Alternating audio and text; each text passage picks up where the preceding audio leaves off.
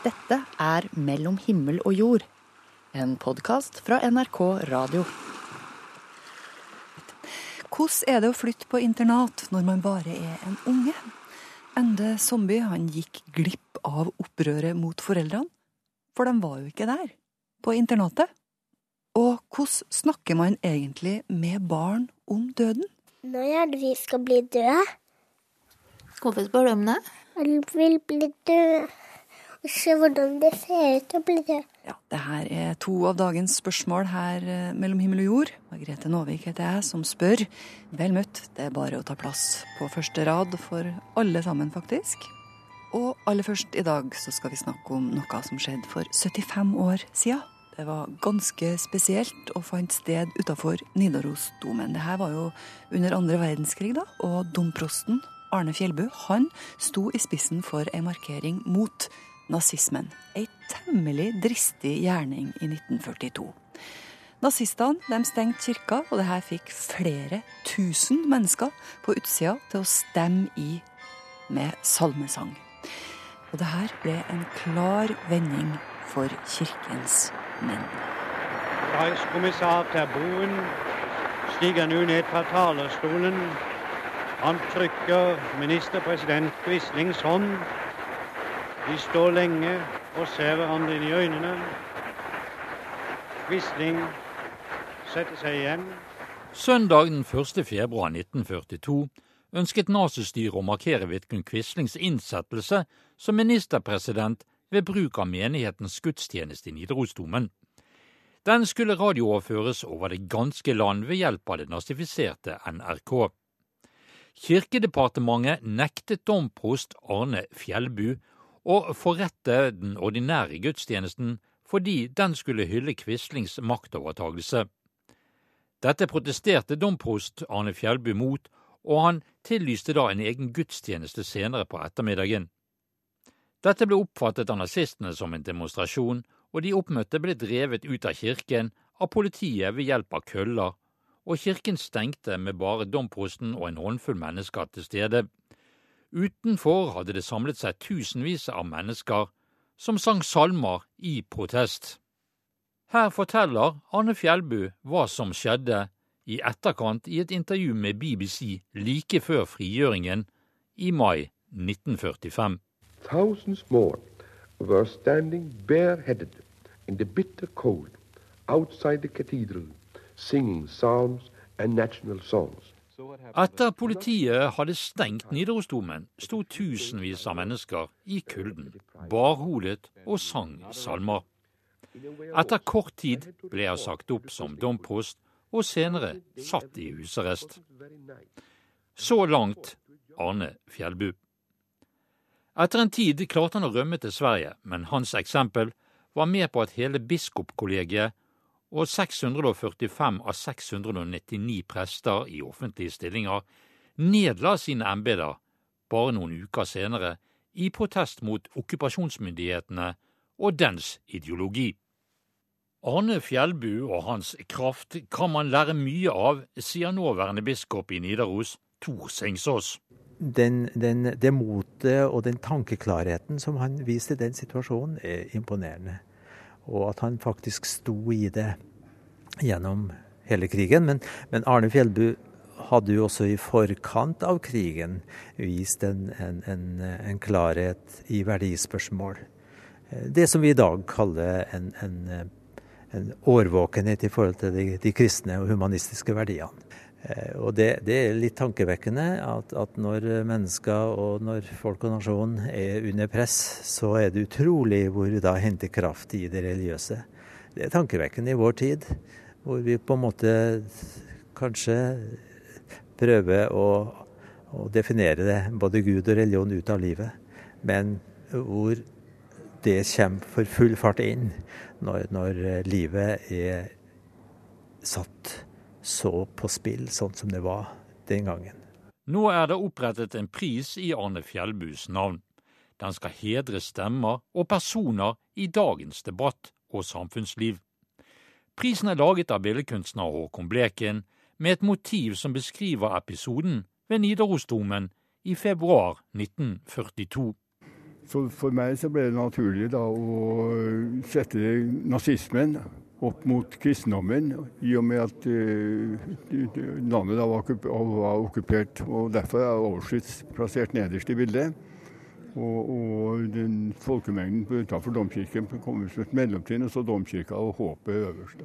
Jeg er enig med Dag Solstad som, som, sa at jeg, jeg, tror mye av alvoret faller bort i og med hvis kristendommen forsvinner, så tror jeg tilværelsens alvor faller bort. Og, sånn. og, og det, det, det, er, det, er, jo meget, meget klart for meg at de kristne verdiene i Norge betyr ganske mye. Og for meg er det viktig å markere kristendommens eh, og Fjellbøs innsats. Det sa til slutt bildekunstner Håkon Bleken, og reporter her var Jan Rye Ravnestad. I år, i 2017, så er det 500 år siden rebellen Martin Luther utpekte paven som antikrist, altså djevelen. I dag, den 5. februar, så er det på sin plass å snakke om samene og reformasjonen. Tidligere så har vi hørt at eh, Luthers tanker kom ganske langt nordover med skip i retur fra tørrfiskeksporten, men de kom ikke helt fram til samene. Ja, altså nord- og nordområdet er jo på hele 1400- og 1500-tallet, som vi har snakka om nå, et grenselaust grenseløst område Eh, i den forstand at eh, statsgrensene på Nordkalotten er ikke trukket. Altså det er en uklar grense mellom Norge og et kort Danmark-Norge, Sverige og Russland. Mm. Eh, grensa mellom Norge og Sverige blir ikke trukket før i 1751, og mellom Norge og Russland i 1826. Så dette området er, er det ikke en entydighet eh, i hvem som har makta over. Så hvem har ansvar for å kristne samene? Det er altså ikke helt klart, sier Sigrun Høgetveit Berg. Det finnes heller ikke noe klart skille mellom samiske og ikke-samiske områder i Finnmark, for samene de bodde litt overalt, både ved kysten og i innlandet. Men, sier Sigrun En av hovedskillene på, på, nordmenn de fleste plasser og samer er at de, de samene ikke var kristne på samme måten som nordmennene. Heller ikke på 1500-tallet, når reformasjonen kommer. Kirka og staten er klar over at en del av befolkninga ikke er kristen, og man er enig om at eh, det her må rettes opp. Samene må kristnes. Men det blir ikke gjort noe helhjerta forsøk på å få det til, egentlig. Så det tar lang tid før reformasjonen når den samiske befolkninga. Det er mange ulike grupper av samer fra Nordkalotten og nedover mot Trøndelag, sier Sigrun, og noen av dem har kommet i kontakt med kristendommen tidlig. Hun forteller at eh, det var faktisk ganske vanlig å leve et slags religiøst dobbeltliv. Altså Det som var minstemålet for å være en kristen, da, det var jo at du var døpt, og at du gikk eh, til nattvær én gang i året. Mm. Og det kan jeg nok tenke seg at flere, særlig samene som levde langs kysten, sjøsamene som levde midt iblant den norske befolkninga, de kan ha gjort det. Og eh, samtidig som vi jo har, rett nok fra kilder fra 1600- og 1700-tallet, så vet vi at de, mange av dem hadde en såkalt dobbel religiøs praksis. Altså de gikk i kyrkja, eh, lot seg døype og gikk til nattvær, og så reiste de hjem igjen, for å si det sånn, og så fortsatte de med sine eh, samiske religiøse eh, skikker. Og vi har òg beskrivelser fra 1600-tallet fra sørsamisk område der de på en måte hadde noen sånn slags rensingsprosesser etter at de hadde vært i kyrkja. Så på en måte kom de hjem og, og gjorde det klart for sine guder da, at de, de hadde vært i kyrkja, men nå var de klar for å ta imot sine egne igjen. Så det levde parallelle tradisjoner, kan en si da. Sigrun Høgetveit Berg forteller at eh, sjøl om kristendommen for alvor kom til samene et par århundrer etter reformasjonen, så kan vi se spor av kristen kultur ganske lenge før det. I navnematerialet så ser vi jo at eh, de utover 1200-1300-1400-tallet, seinmellomalderen, er jo virkelig topptida for helgendyrkinga i kyrkja. Altså helgenene var jo de store kristne heltene. Mm. Og vi får jo helgennavn spreies jo inn i, i, det norske navnematerialet. Altså alle fornorska versjoner av helgenavn. Altså Nils for Niklas, Birgitte for Birgitta, Anna, Kristina. mange slike. Per for Peter, ikke sant. Og dette blir populært i norske, norske navn, men også i samisk område. Så kommer disse navnene inn. Og det som er litt artig, f.eks. i etter reformasjon, altså navnematerialet fra slutten av 1500-tallet i, i, et område som heter Astafjord, som er i Sør-Troms, der ser det ut til at det, de kristne navnene, helgennavnene, de holdt seg lenger i det samiske materialet enn i det norske. Mm.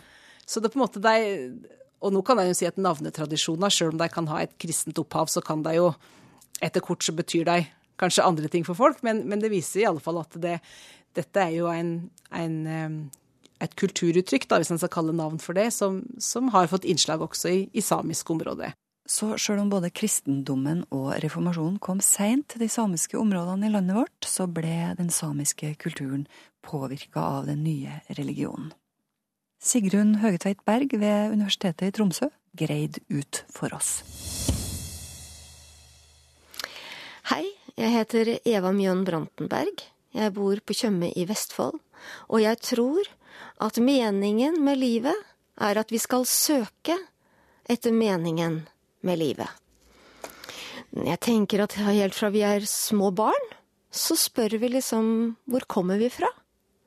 Og hvor blir vi av når vi dør? Alle voksne har vel opplevd hvor vanskelig det kan være å, spørre, å svare barn på disse enkle spørsmålene. Men disse spørsmålene her, de følger oss faktisk hele livet. Og i begynnelsen så finner vi enkle svar på dem, og etter hvert så kan vi få mer komplekse svar på dem. Og dette er så spennende. Det utvikler vårt intellekt. Det utvikler meningen med livet. Det, det får oss til å ja, Det gir oss et mer spennende liv. Hva er det du går og lurer på av sånne store spørsmål? Jeg går jo og lurer på om jeg kommer til å oppleve noe etter at jeg er i grava, liksom. Altså, jeg, kom, jeg lurer jo veldig på om, jeg, om, det, om det blir noe etter døden, da. Eh, og så tenker jeg faktisk det at om det ikke blir det, ok, ja, men så har jeg jo ingen evne til å fatte at det ikke er noe heller. Altså, da er jo min tanke borte. Men fins det et rett svar på disse store spørsmåla? Nei, det er det det ikke gjør. Og det er jo nettopp det som er så flott. For hvis det hadde vært en fasit i enden, ja, så hadde jo Da hadde vi jo ikke kunnet søke etter mening, da. Hvis det hadde vært en fasit. Da hadde vi jo hatt den der fremme. Altså, det er jo selve det at det ikke finnes et, et klart svar. Det er jo nettopp det at det ikke finnes en visshet, men en tro. Det er jo nettopp det at vi famler i blinde. Det er selve famlingen som er målet. Og det er det vi kanskje ikke har skjønt. For vi tror at vi skal finne et sikkert svar. Vi tror at det finnes én fasit. Men det er selve famlingen som er livet. NRK P1 jeg må bare si det, jeg er en skikkelig radionerd og har ingen ønsker om å jobbe i TV. Men akkurat nå, akkurat nå så skulle jeg ønske at jeg fikk vist deg noen bilder av noe veldig, veldig fint. Jeg må prøve å beskrive det for deg etter hvert. Vi skal inn i Nidarosdomen. Her skal det skje noe helt nytt, nemlig. Utafor står en Citroën Kombi stasjonsvogn, rød metallic, med tilhenger. Jeg er akkurat litt for seint ut, for oppi hengeren så ligger bare en grønn besending bretta til side. Ellers er det tomt. Folke Fjellstrøm, eieren av bilen, han har kjørt fra Vålådalen i Sverige hit til Trondheim, og han har båret sitt vakre samiske kunstverk inn i kirka. Ja, hallo, Margrethe Nåvik. Nå står jeg utafor her. Ja, da skal, skal, du bare gå inn nordre vestfrontdør og forbi vakten og så si at du de ble kristna med hard hånd på 1700-tallet, samene. Sjamanens trommer, f.eks., som ble brukt til å komme i kontakt med det guddommelige, annet da, ble inndratt og brent av misjonærer. Samisk kultur ble forsøkt jevna med jorda, rett og slett. I dag må vi beklage den urett den norske stat tidligere har påført det samiske folk gjennom en hard fornorskningspolitikk. Den norske stat har derfor et særlig ansvar for å legge forholdene til rette for at det samiske folk skal kunne bygge et sterkt og levedyktig samfunn. Det er noen år siden nå at kongen og statsministeren sa unnskyld til samene. Kirka innrømmer også at den har vært delaktig i undertrykkelsen av samisk kultur, men nå, nå skal det skje det som har vært aldeles utenkelig ikke så altfor langt tilbake i tid. Urfolket skal få sin hellige plass midt i Nidarosdomen. Inni kirka er det én eneste innhugg som ikke har hatt noe bestemt innhold de siste åra. Opprinnelig så har det stått et alter her, men det er kjempelenge siden. Her skal folkets kunstverk stå. Og det er akkurat som om det her tomrommet har venta på å bli fylt av det. Ja, det, det, var den siste plassen som var ledig. Ja. Det, det, var ikke noe vi har altså, det, Nå er det ikke flere naturlige steder å, å etablere et alter. Nei, så, så, så det har stått her og venta på ja. at dette kunstverket skulle komme. Steinar Bjerkestrand er direktør i Nidaros domkirkes restaureringsarbeider. Jeg tror han er på rett plass, altså. Det er veldig spennende å se det nå under monteringa. For, for, det fineste da, det er altså, det ligger en figur nå pakka inn der som skal monteres i forkant. Okay. Så det er altså en eh, Kristusfigur med åpen favn som står og tar imot folk når de kommer. Ja. Hvorfor er det viktig, tenker du, å få dette på plass?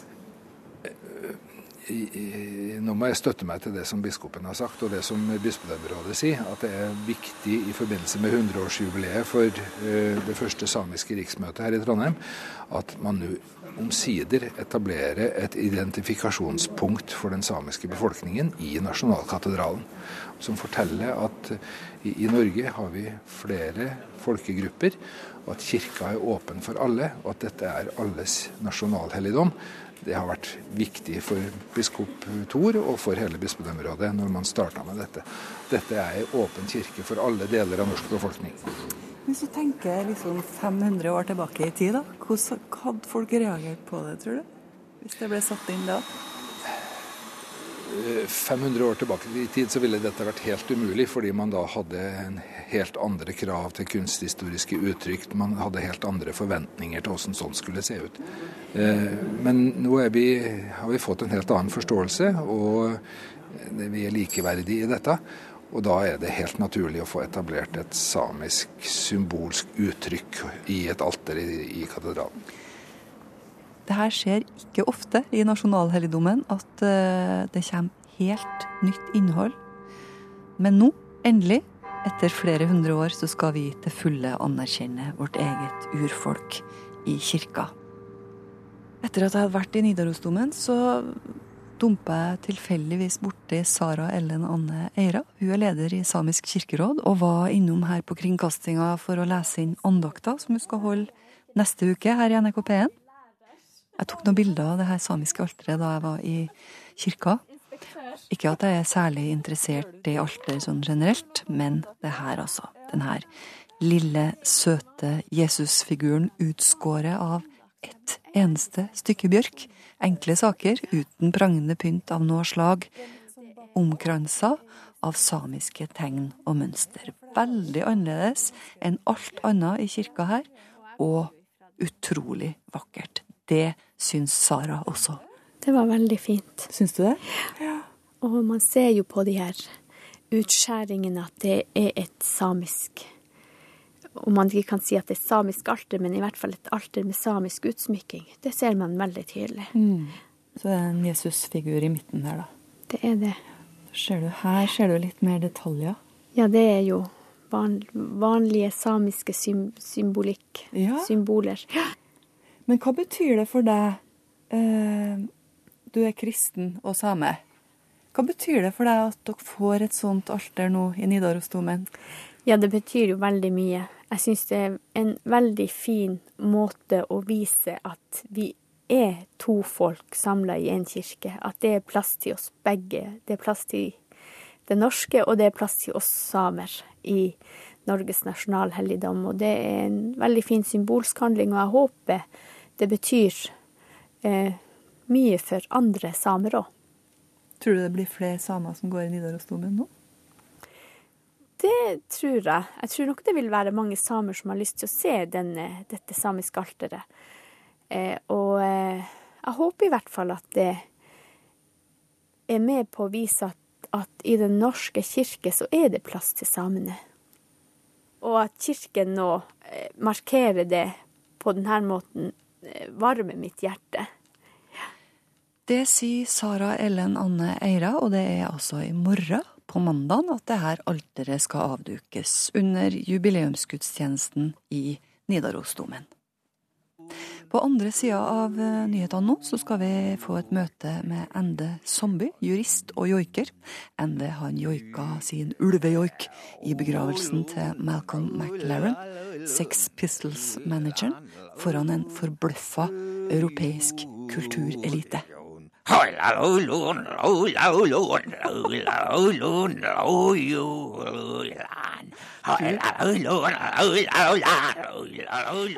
Ja, Annie Lennox var der, Bob Geldof var der.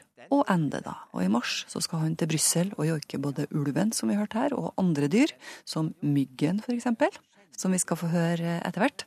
Og Ende han skal fortelle om sitt dobbeltliv på internatskole. På dagtid så var han den tøffe og ville samegutten. Men på natta så leste han Sokrates og sugde på tommelen. Mer om det her, men først nå Sofia Janok, og så nyhetene. Vi skal nå få en historie fra drøye 40 år tilbake. Hovedpersonen i denne fortellinga heter Ende Somby. I dag er han joiker og jurist. Men vi skal tilbake til da han var tolv år. Når han, sammen med alle andre ungene som er ferdig med sjette klasse, må reise fra den lille bygda Sirma i Tanadalen til en av statens ansiktsløse internatskoler, som han sjøl sier. Lille Ende tar eh, sine knall blå bevernylonsbukser på og den eh, svarte Sky-jakka. Han springer til bussen med hjertet i halsen og begynner på et hverdagsliv uten mor og far. Første møte med internatlivet setter standarden for åra framover. Og der går jeg med de knallblå buksene og med denne Sky-skinnjakka, som også har en liten revne. Og vi må gå spissrotgang. Vil si at det er store gutter som danner en slags korridor som du må gå igjennom. Og så er det en gutt som sier Se nå på den lille lappjævelen der. Og et, vi hadde sånn, den tiden så hadde vi sånne litt firkantede bager, skolebager, og der var det klær. Og, så jeg slapp bagen i gulvet. Og så sa jeg hva det var du sa. Og så sa han Jeg sa se på den lille lappjævelen der. Vi var den gangen i en sånn periode hvor det ikke var noe samiske rettigheter eller, eller mm. snakk om det. Så da var det to ting som kunne beskytte oss. Det ene var at vi samer bruker organ. Og det andre var at, at vi samer er så ville at vi kan trekke kniven. Så jeg sto nå der, og så sa jeg at hører jeg deg si det der en gang til, så tar jeg og åpner den veska her og tar frem samekniven min og skjærer deg i terninger. Har du skjønt det? Og så slo han blikket ned, og jeg tok veska opp og, og gikk videre. Og jeg hadde jo da etablert en respekt men også etablert meg som eh, et vilt lite menneske. Men, eh, og det var eh, en sånn grunntone som, som fulgte med meg gjennom hele internatperioden. Så du ble på en måte tvunget til å ta den posisjonen, da? Ja, det var en måte å overleve på. Sånn overleve overfor omverdenen, men mm. kanskje enda viktigere å overleve overfor seg sjøl. Men når kvelden kommer, så er det den forsvarsløse ende som tar over. Barnet. På innsida er det ikke mye hardt. Ja, eh, det gjorde jo det med livet mitt at jeg levde et slags dobbeltliv. For jeg var jo minstebane hjemme. Hadde ikke slutta å sutte på tommelen enda, så jeg var jo på et vis uh, veldig mye barn. Mm. Og så var det store marerittet. Det var at hvis noen av guttene skulle oppdage at, at en sjefstøffing ligger og sutter på tommelen. Det, det, kan jo skje i søvne. Så da hadde jeg et enormt prosjekt med, med teip og litt, eh, fant sånne her limtyper som som smakte sterkt, sånn at hvis den tommelen kom i munnen, så skulle jeg våkne, og så skulle faren være avverget. Og det gikk jo bra. Det gikk jo bra. Ja, det gikk bra. Men under hodeputa så ligger en biografi om filosofen Sokrates. Og denne interessen for bøker passer overhodet ikke inn med det tøffe trynet som Ende har satt opp. Ingen må se han. Han er i alderen for løsrivelse, men han har jo ingen å rive seg løs fra. Og så, Den løsrivinga den består jo ofte i at man bæser litt med. Ja, bæse det er et ukjent ord for meg, det må du forklare. Ja, at man eh, driver og klager og sier at nei, det var så kjedelig, og at den maten smaker nå ikke noe særlig. Og... Litt vanskelig, rett og slett. Ja, det, sånn, sånn, som man kan være i, i tidlig tenår. Mm. Eh, og, og jeg tror at det er en veldig viktig prosess å ha for å bli et helt menneske, sånn at man både får møte litt sine egne mørke sider og, og får eh, markert grensene sine overfor, eh, overfor andre. Mm. Men vår situasjon var jo at vi fikk ikke se foreldrene våre eh, Vi fikk se dem én gang i uken hver, hver weekend. Mm. Og da var man jo så himla glad for å få se dem at man hadde overhodet ikke råd til å bæse noe som helst med dem. Mm. Og, og, det gjorde jo at, at, det var noen prosesser som, som andre kan ha, eh, som ikke vi fikk. Fordi med internatet var jo ansiktsløst, en ansiktsløs institusjon. Mm. Så en, den kan du jo ikke bæse med. Mm. Jeg tenkte på det, jeg snakka jo med deg på telefon for noen dager siden for å avtale det her intervjuet, og da sa du at uh, du ble, du ble sint av det her. Og at det på en måte drev deg framover da, til det du skulle begynne med etterpå? Ja, jeg ble jo så himla sint uh, over, over, akkurat dette her. Så jeg bestemte meg relativt tidlig at uh, jeg skal bli jurist. Fordi jurister kødder man ikke med. Så jeg fikk en, en retning relativt tidlig i, i, livet. Og jeg hadde masse inspirasjon, fordi jussen er jo et fag hvor, som dreier seg om å løse de umulige konfliktene. Altså de konfliktene som vennskap og lojalitet og, og folkeskikk og alle de her tingene som vi ellers har, som gjør at vi ikke havner i, i konflikt.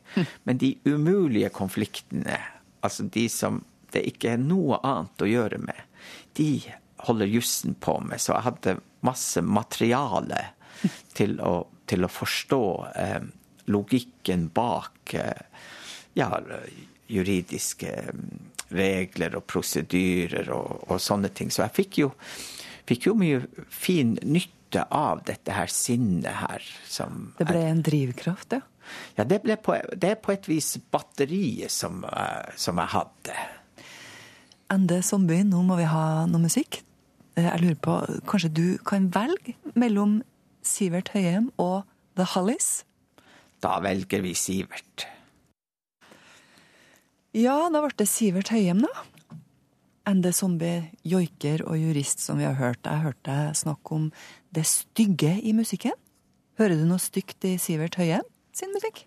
Ja, Sivert Høyem han har jo en, en slags sånn stygg undertone i, i, i, i, sangen sin. Det er jo vakkert å høre på på overflaten, men så hører du at det er en jævel der som er, er i, i, undertonen. Og, og, jeg tror det, at det er det som gir Sivert sin sang den her energien som den, den har, og som gjør at veldig mange er glad i, i musikken hans. For hadde han vært sånn flatt eh, vakker, så hadde man ikke hatt opplevelsen av at Sivert han har en eh, fortelling å fortelle eh, som er litt bakenfor for sangen. Så ofte så er jo det stygge i livet Det hjelper jo oss å få øye på det vakre. Akkurat. Så det er det som er nøkkelen. Det er kontrastene du er ute etter. Du, dem som kjenner til din joik Forresten så kan jeg si at uh, du var veileder for Margaret Berger når hun skulle joike Anneli Drecker på NRK1 nylig. Uh, og den som kjenner til din joik, uh, er kanskje mest kjent med denne ulvejoiken.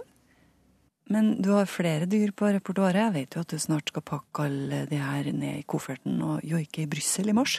Du har en myggjoik også også det? Ja, den, den er også en, eh, en god alliert. Kan jeg få en liten demonstrasjon på den nå, eller? Ja. Veldig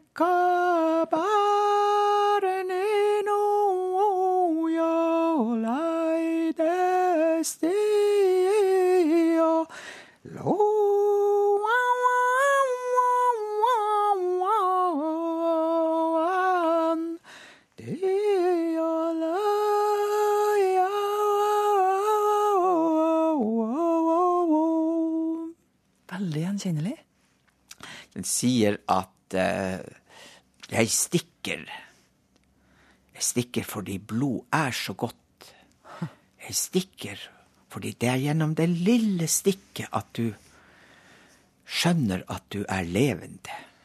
Der er vi tilbake på det stygge igjen, da.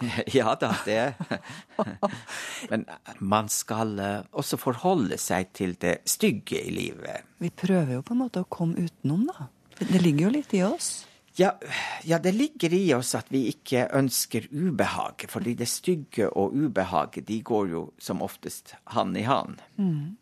Og eh, jeg hørte en sånn fantastisk eh, fortelling um, om en som forteller at han var på fjellet alene, og så ble kjelken så tung. Han trakk på en kjelke Mm. i dyp snø, og så blir den så tung. Og så snur han seg for å se hvorfor er kjelka blitt så tung. Så ser han at der sitter jo djevelen på kjelka. Så sier han at men djevelen, han skal ikke begynne å tøffe seg med meg.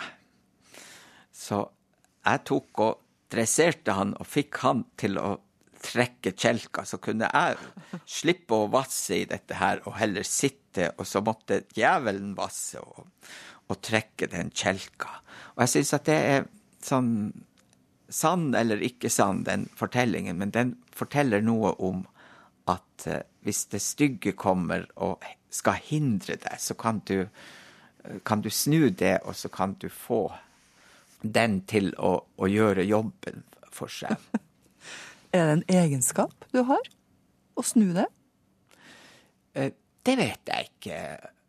Men altså, hvis noe eh, vondt og vanskelig treffer meg, så, så har man jo den eh, umiddelbare opplevelsen av at det her var dumt, det her var vanskelig. Mm, du har den. Ja, huff, skal det være sånn. Men så har jeg eh, en bølge to som kommer. samt, Første bølgen er skuffelsen, frustrasjon. Og bølge to er at jaha, men er det mulig å, å gjøre noe mm, bra ut av dette her? Og hvordan kan dette snus? Eh, Kan vi få til noe artig med det? Ja, de her tankene kan vi jo prøve å ta med oss videre i livet, vi andre også. Øve oss litt på det du gjør. Men da må jo jeg bare si lykke til med morgendagen, ND Zombie. Tusen takk skal du ha. Mellom himmel og jord. Hvordan skal vi snakke med barn om døden? Her har du tenkt fælt på det siste, Lise. Ja, etter at vi var på kirkegården for å tenne lys på grava til pappaen min på julaften, så har jenta mi, Idun, på fire år spurt mye om døden, og om morfaren sin. På vei ut av huset for å dra på butikken her om dagen, for eksempel. Når er det vi skal bli døde? Hvorfor spør du om det? Jeg vil bli død. Og se hvordan det ser ut å bli død. Ja, når skal vi bli død, sier Idun på fire. Og, og denne uka her så var dere tilbake på kirkegården. Ja, jeg hadde ikke vært der sammen med Idun siden julaften, så jeg tenkte det kunne være fint å ta en tur til. Vi bor i morfar. Hæ? Vi bor i morfar. Hva mener du? Vi bor i. Og morfar er jo død. Men jeg savner sånn morfar. Jeg òg. Faren min døde da jeg var 16 år, så Idun har aldri møtt morfaren sin. Men hun savner han veldig likevel. Hvordan blir det å komme og se grava nå? Sikkert så fantastisk. Husker du da vi var her sist? Ja. Hva tenkte du da, den gangen? På julaften? Jeg tenkte Å, nå er det vel tid for at morfar blir død, da. Men han har jo vært død i mange år i den. Jeg skjønner rett og slett ikke helt hva hun tenker. Hvorfor sier hun sånne ting? Og det at hun vil dø? Ja, Det er jo noe som du ser med barn. Det kan skremme voksne noen ganger. Hvis, hvis Siden jeg ikke helt vet hva jeg skal si til Idun, tok jeg kontakt med psykolog Atle Dyregrov. Han er en av de her til lands som kanskje vet mest om barn og deres forhold til døden. de ønsker å bli gjenforent med den døde, det er jo det samme som mange voksne har når de mister noen. At det er egentlig et ønske om sorg, et ønske om å gjenforenes og, og oppnå kontakten og være der med den døde igjen. Så det er ikke rart at de sier det, når de heller ikke skjønner helt at for å være død, så, så kan ikke vi leve. Det er jo noe av det som er vanskelig for de å forstå. Mm. De, de tenker at når vi døde, så fortsetter når de, Iallfall når de er så små at de er eh, under eh, fire til seks, så, så vil de tenke at håret fortsetter å vokse, og sant, at en tenker videre. Dette, dette at livsfunksjonen opphører, det er noe av det som de må forklares når de først skal forstå døden. At det, det, da, vi, da tenker vi ikke, da har ikke vi vondt lenger. Og så være veldig konkret i forklaringen. Mm. Jeg tror jeg har litt å jobbe med der, da. Hører jeg. Ja, det er for hun- vanskelig å være så konkret, for det er så vondt sant, å så forklare til et barn at nei, nå har hjertet sluttet å slå, det, det trenger ikke mat lenger, sant, det vil ikke tenke lenger, det vil ikke tenke på oss, tenke på andre. Og så. Men den konkrete forklaringen trenger de for å få en forståelse for at eh, ting opphører helt. Mm. Ja, det skulle jeg jo tenkt på. At det ikke er sikkert at hun faktisk har forstått hva det betyr å være død. Og det skjønte jeg heller ikke da vi gikk fra bilen mot grava for å tenne et lys. Litt glede og.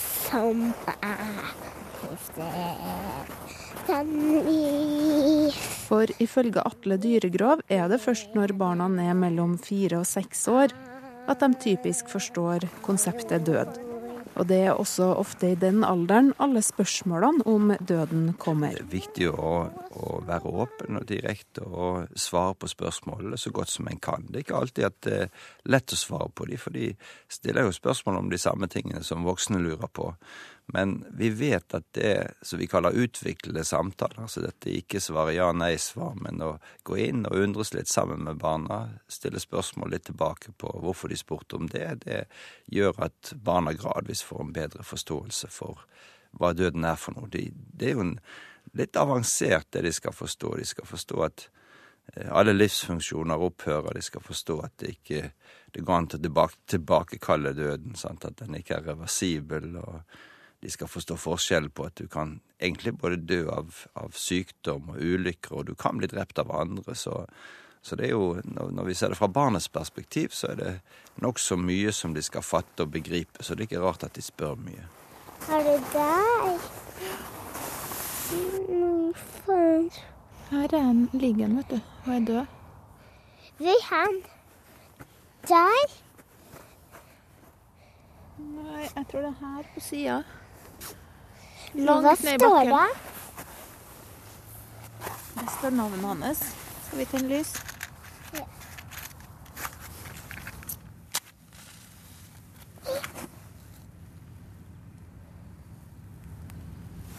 Nei, det der skal blå. Skal du sette lys et sted? Jeg vet at jeg skal sette der. At når morfar blir stor, da vil jeg bli en voksen. Når morfar blir liten, da vil jeg bli et barn.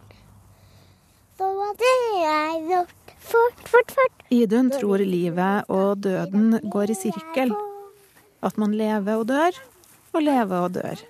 Og sånn tenker barn ofte, forklarer Atle Dyregrov. Dagene deres er jo i sirkel. De står opp, og så går de gjennom døren, så legger de seg, og så sover de, og så står de opp igjen. Så det er ikke rart at de tenker på den måten at det er sirkulært der også. Og på en måte så, så er det jo slik som vi tenker med naturen. Vi, av jorda er vi oppstått, sant? at vi har den sirkelen der også. Vi går tilbake igjen til det vi var. Mange barn det gjør jo oss både varm om hjertet, og de kan treffer oss midt i hjertet, så det gjør veldig vondt for oss. For at de sier de tingene, spesielt når vi har mistet noen, så, så sier de tingene rett ut, mens vi ofte går litt rundt det. da. Mm. Savner i hvert fall morfar. Jeg vil grave ham opp. Vil du det? Ja. Det går ikke, da. Nei. For han er jo død. Ja. Det var Idun på fire år som var med mamma og reporter Lise Sørensen på kirkegården. Ordet nåde var viktig for Martin Luther da han for 500 år siden i år starta den store omveltninga i kirka. Nåde er også ordet Den norske kirka bruker for å markere reformasjonsjubileet nå i 2017. Men er ordet nåde et ord som betyr noe som helst for folk flest i dag? Jeg skjønner hva det betyr, bare det jeg kan ikke forklare slik som det der. Jeg har ennå ikke spist i dag. det er unnskyldninga mi. Har du kjennskap til ordet nåde? Jeg har det. Vet du hva det betyr, da? Eh, skal Jeg vet ikke. Jeg er litt stressa akkurat nå, så jeg har ikke tenkt på det. Nei, du kan forklare meg. det. Har det noe appell til deg? Tja, jeg vet ikke riktig. Nei, Det er ikke noe som sier 'yes', liksom. Nåde. Nei, det er ikke det. Da syns jeg at hvis det er en slags overskrift på reformasjonsjubileet, at uh, Kirken eller Hvem 17 eller NRK eller hvem Fortell litt hva ordet nåde egentlig betyr. Og hva som var opphavet til at uh, man valgte det. Og hva Luther mente om det. Og hva, hva som ligger i begrepet. Ja, det ville du gjerne hørt mer om. Ja, iallfall siden det er et jubileum. At man eh, vet uh, hva det er. Og blir minnet om det. Ja. Jeg har ikke noe mer å si, jeg. Tilgivelse uten noe krav om at han gjør noe som helst. Er du kristen siden du vet det, eller? Jeg er ikke kristen nå lenger. Tidligere kristen. Men jeg syns stadig det er et fint ord allikevel. Hva er så fint med det, da? Og da tenker jeg en kan gi seg sjøl nåde også. Uh, Ja, Gi seg sjøl nåde. Hva betyr det, da? at du kan gi litt slipp på deg sjøl. Mm. det kan jo være fint Ja. Ja. Hvorfor er ikke du kristen lenger, da? Det er mer interessert i buddhismen nå, faktisk. Fins det noe nåde i buddhismen, da? Det vil jeg si, i den form at du Hvis du kan gi deg sjøl nåde, så kan du i sin tur være god mot andre. Altså det er jo spennende at du, du har byttet religion og tatt med deg liksom nådebegrepet, da. Jo. Jeg har jo ikke tenkt over det før, før nå, men, eh, men det stemmer nok det. Jeg gikk fra kristendommen til å være ateist til nå i nyere tid har oppdaga buddhismen litt. Nåden er jo en del av det. Ja. Kommer du på noe, da? Ordet nåde? Ja, jeg står og tenker på litt sånn Jeg unnskylder deg. Så du får, får min nåde for det du har gjort og det du har sagt, eventuelt. Nå er det et sånt stort reformasjonsjubileum, og da overskriften 'nåde'. Så jeg lurer egentlig på om folk skjønner hva det betyr, om det er en, en lur overskrift. At det sier noe til folk i dag. Ber dem om unnskyldning for det de har Altså at de har gått ut av staten. Ber dem om unnskyldning for at de har eh, jeg skulle ikke si tatt med eh, homofile og lesbiske ekteskap. Ber de om nåde for det, eller? Der der ble jeg nå, da. Når du kan jo ikke akkurat være noe reformasjonsjubileum med et nåde. Nei. Nei, vet du, det er ikke rett, nei. Nei, ikke tale om heller. Det blir ikke rett. Hvis du skulle på sparket komme på en overskrift, da, hva ville du ha satt opp øverst? Alt annet enn nåde, skal jeg ta si. Nåde. Du får noe som du ikke har fortjent. For meg er det en nåde. Forventer det ikke. Det kommer uten at du har gjort deg fortjent av det, som jeg sa. Og det kommer overraskende. Det høres ut som du har fått nåde. Noen få ganger i livet har jeg fått det. Jeg er jo ateist og agnostiker og alt det der. Hvorfor er du ateist? Det kan vel bli en langt innslag, det her.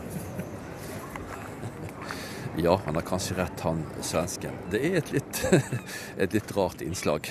Men nå er det slik at jeg har snakket med mennesker jeg tilfeldigvis stoppet på Solsiden i Trondheim.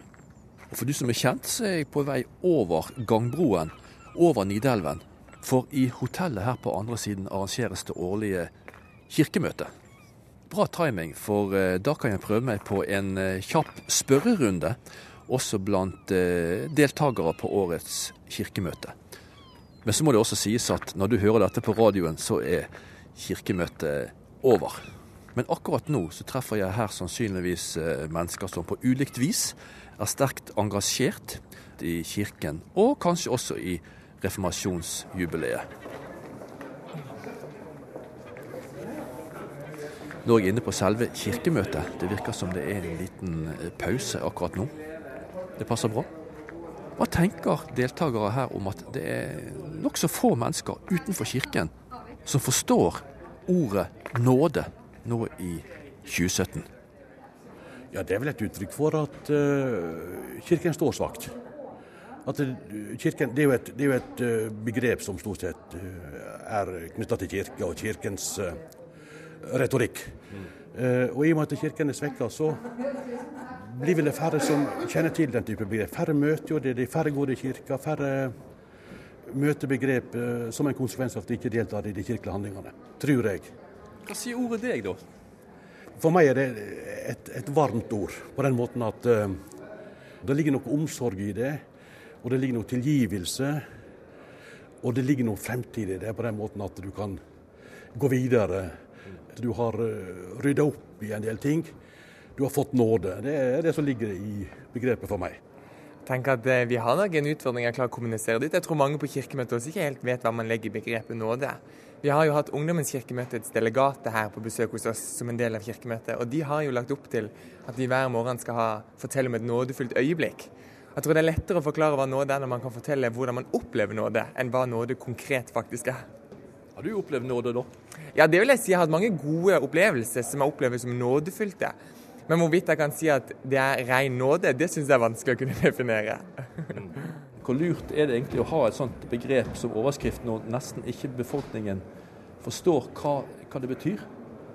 Og Da vil jeg jo si at vi har en stor oppgave i å formidle hva det betyr eh, i forbindelse med reformasjonsmarkeringa. For jeg vil jo tro at folk flest har et forhold til ordet nåde likevel. Men altså, jeg regner med at du da har spurt om hva nåde betyr i kristen tro og tradisjon. Fordi at det med Eh, nåde.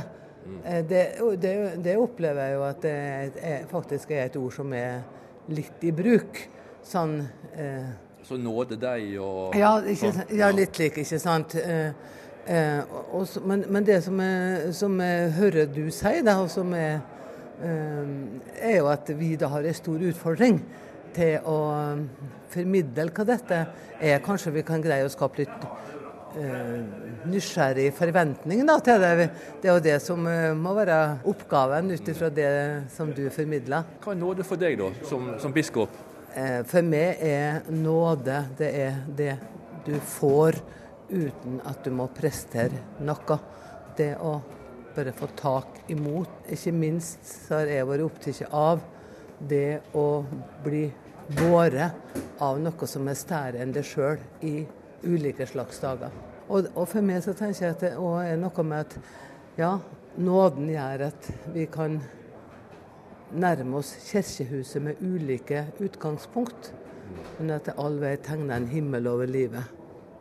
Det var kollega Ove Gundersen som var innom et kjøpesenter og endte til slutt opp på et kirkemøte da, som ble avslutta i Trondheim denne uka. Og den siste stemmen vi hørte fra kirkemøtet her, det var Solveig Fiske sin. Og saken dreide seg også om ordet nåde, som er overskrifta på årets reformasjonsjubileum. Er det et ord folk flest har et forhold til i dag, spurte vi. Nå ja, sa folk flest. Og da har vi bevega oss fram og tilbake og opp og ned mellom himmel og jord i to timer. Margrethe Nåvik heter jeg som har holdt roret. Gi lyd om du har noe på hjertet. Himmel og jord, krøllalfa, nrk.no. Her er Rolfa. Ha en riktig god søndag. Gjerne med NRK Radio, da. Hør flere podkaster på nrk.no podkast.